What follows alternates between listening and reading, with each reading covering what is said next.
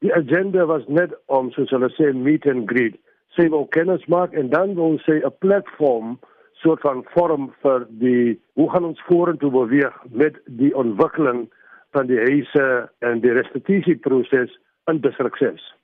Sy het getas op sekere punte soos die verlede, daar was 'n paar foute aan die kant van die departement met alle eerlikheid het hulle probeer, maar ek dink dis 'n gebrek van van die verskillende budgets en so voort en sy het gevra dat ons moet nou soos hulle sê let bygones be bygones en kom ons beweeg vorentoe en vir elke leier van die verskillende groepe dan gevra om 'n woord te sê as to hoe ons gaan vorentoe. En vir ons die working committee, ons boodskap was baie simpel en eerlik. Ons het toe gesê dat kyk daar moet unity wees onder die verskillende groepe want dit gaan nie meer oor groepe en oor personalities nie. Dit gaan oor die pleit van die mense van distrik 6. Dit is nou die eisers wat geëis het vanaf 1995 tot op 1998. So ons moet nou eers kyk na daai mense. Wanneer verwag julle juis uitspraak oor julle grondrestituisie saak wat in die hof is?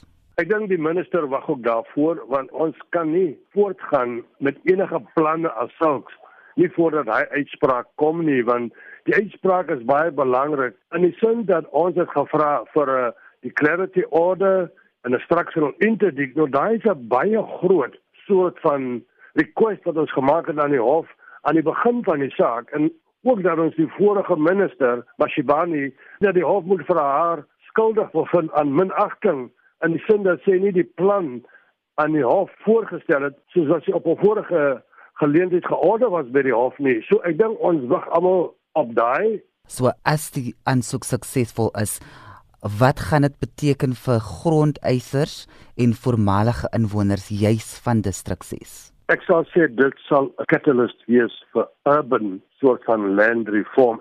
Dit sal die begin wees van 'n nuwe era vir mense wat gedog het hulle sou nooit kan sukses behaal met hierdie urban restitution nie.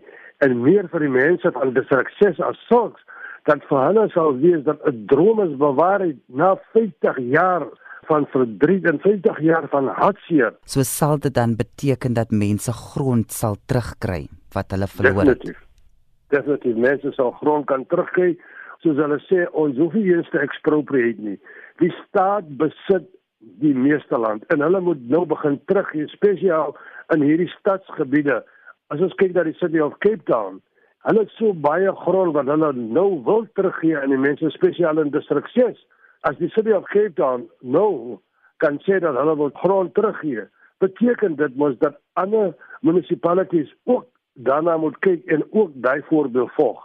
Die mense van die Western Cape kan vorentoe kyk dat baie land aan hulle sal terugbesorg word van die provinsiale government as ook van die die departments of works.